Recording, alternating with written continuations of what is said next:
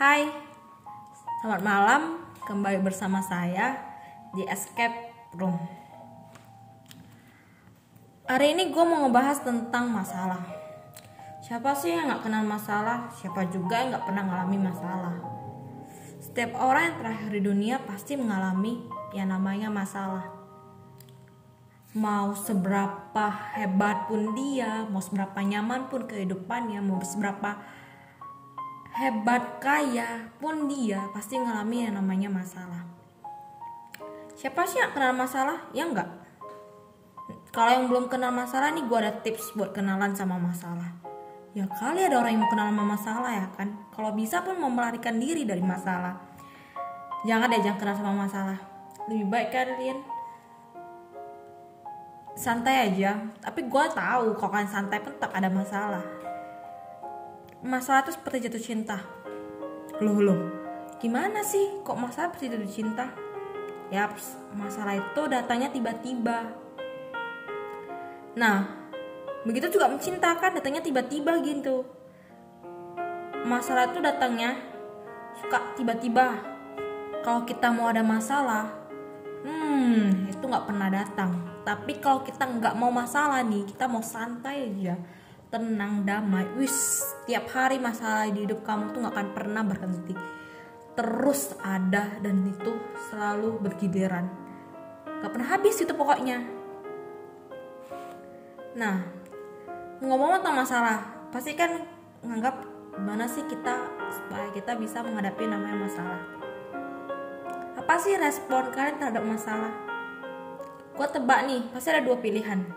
Ini menurut gue ya dua pilihan yang pertama itu kalian pendam kalian pendam rapat-rapat dalam hati kalian. Kalian gak ingin kasih orang tahu gak ingin berbagi dan kalian merasa kalian bisa untuk menyelesaikan masalah itu. Akhirnya itu otak mulai berputar mencari cara untuk menyelesaikan masalah tersebut. Tanpa kalian sadari kalian memaksa diri kalian untuk terus bekerja di luar batas kemampuan kalian otak kalian terus berpikir dan mulailah overthinking. Setiap malam kalian merasa masalah gue kok siap-siap, masalah kok gak selesai. Kenapa? Apa salah pada gue? Apakah gue yang terlalu enggak lihai menghadapinya atau gue yang terlalu hmm, tidak mampu menghadapi masalah ini? Akhirnya kalian stres sendiri. Tipe kedua adalah tipe orang yang selalu cerita ke orang lain seperti sahabat, teman, keluarga, ini tipe yang paling enak betul. Karena dia tahu itu kan ada tempat untuk menceritakan masalah yang dihadapinya. Dan dia pasti ngebuka opini-opini orang terhadap masalah tersebut. Ketika kamu berani jujur kepada orang, ketika kamu berani membuka diri kepada orang, percayalah kamu harus siap juga untuk menerima persepsi-persepsi yang berbeda dari orang lain mungkin opini satu orang opini dua orang ketiga orangnya itu berbeda-beda. Dan kan harus memikirkan opini mana yang paling terbaik. Ya saran gue di antara dua option ini pasti punya plus dan minusnya sendiri. Nah gimana sih cara terbaik untuk menghadapi masalah? Jawaban itu diri kalian sendiri. Kalian tahu batas kemampuan kalian itu seperti apa apakah kalian mampu menghadapi masalah itu sendiri? Ya, kan pendam aja kan menghadapi dengan sendirinya. Tapi ketika kalian tidak mampu menghadapi masalah itu, kan cerita ke orang lain. Buka pandangan kan terhadap masalah tersebut. Karena ketika lo ke orang lain, lo ngebuka pandangan-pandangan yang berbeda dari satu masalah. Itu pasti banyak akar-akarnya dan cabang-cabangnya lagi. Dan lo bisa memilih untuk ngambil bagian mana sih yang mau diambil dan yang terpenting untuk diambil. Daripada lo menyiksa diri sendiri dengan mengandalkan pikiran gue bisa menghadapi masa ini dan berakhir lo stres. Atau lo berusaha untuk ngandelin orang lain. Yang menurut lo ya opsi-opsi dari mereka tuh sangat berbeda dengan tipe lo. Ya lo harus terima hal itu.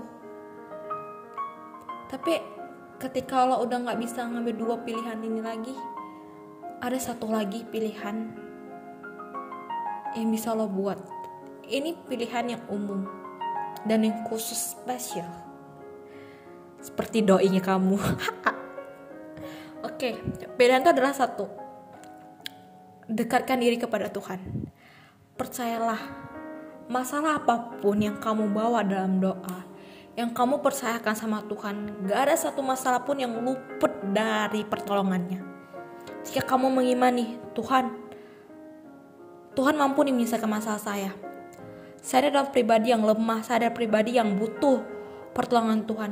Percayalah, di saat lo membutuhkan pertolongan Tuhan pasti ada baik itu pertolongan secara langsung baik itu pertolongan secara melalui orang melalui orang lain itu pasti ada yang harus tahu tuh satu.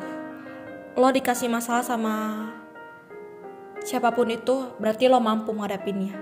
Tuhan tahu lo mampu menghadapinya maka Tuhan kasih suatu beban yang berat yang lo pasti bisa melaluinya. Masalah itu bukan hal untuk dijauhi, bukan masalah, bukan hal untuk dihindari.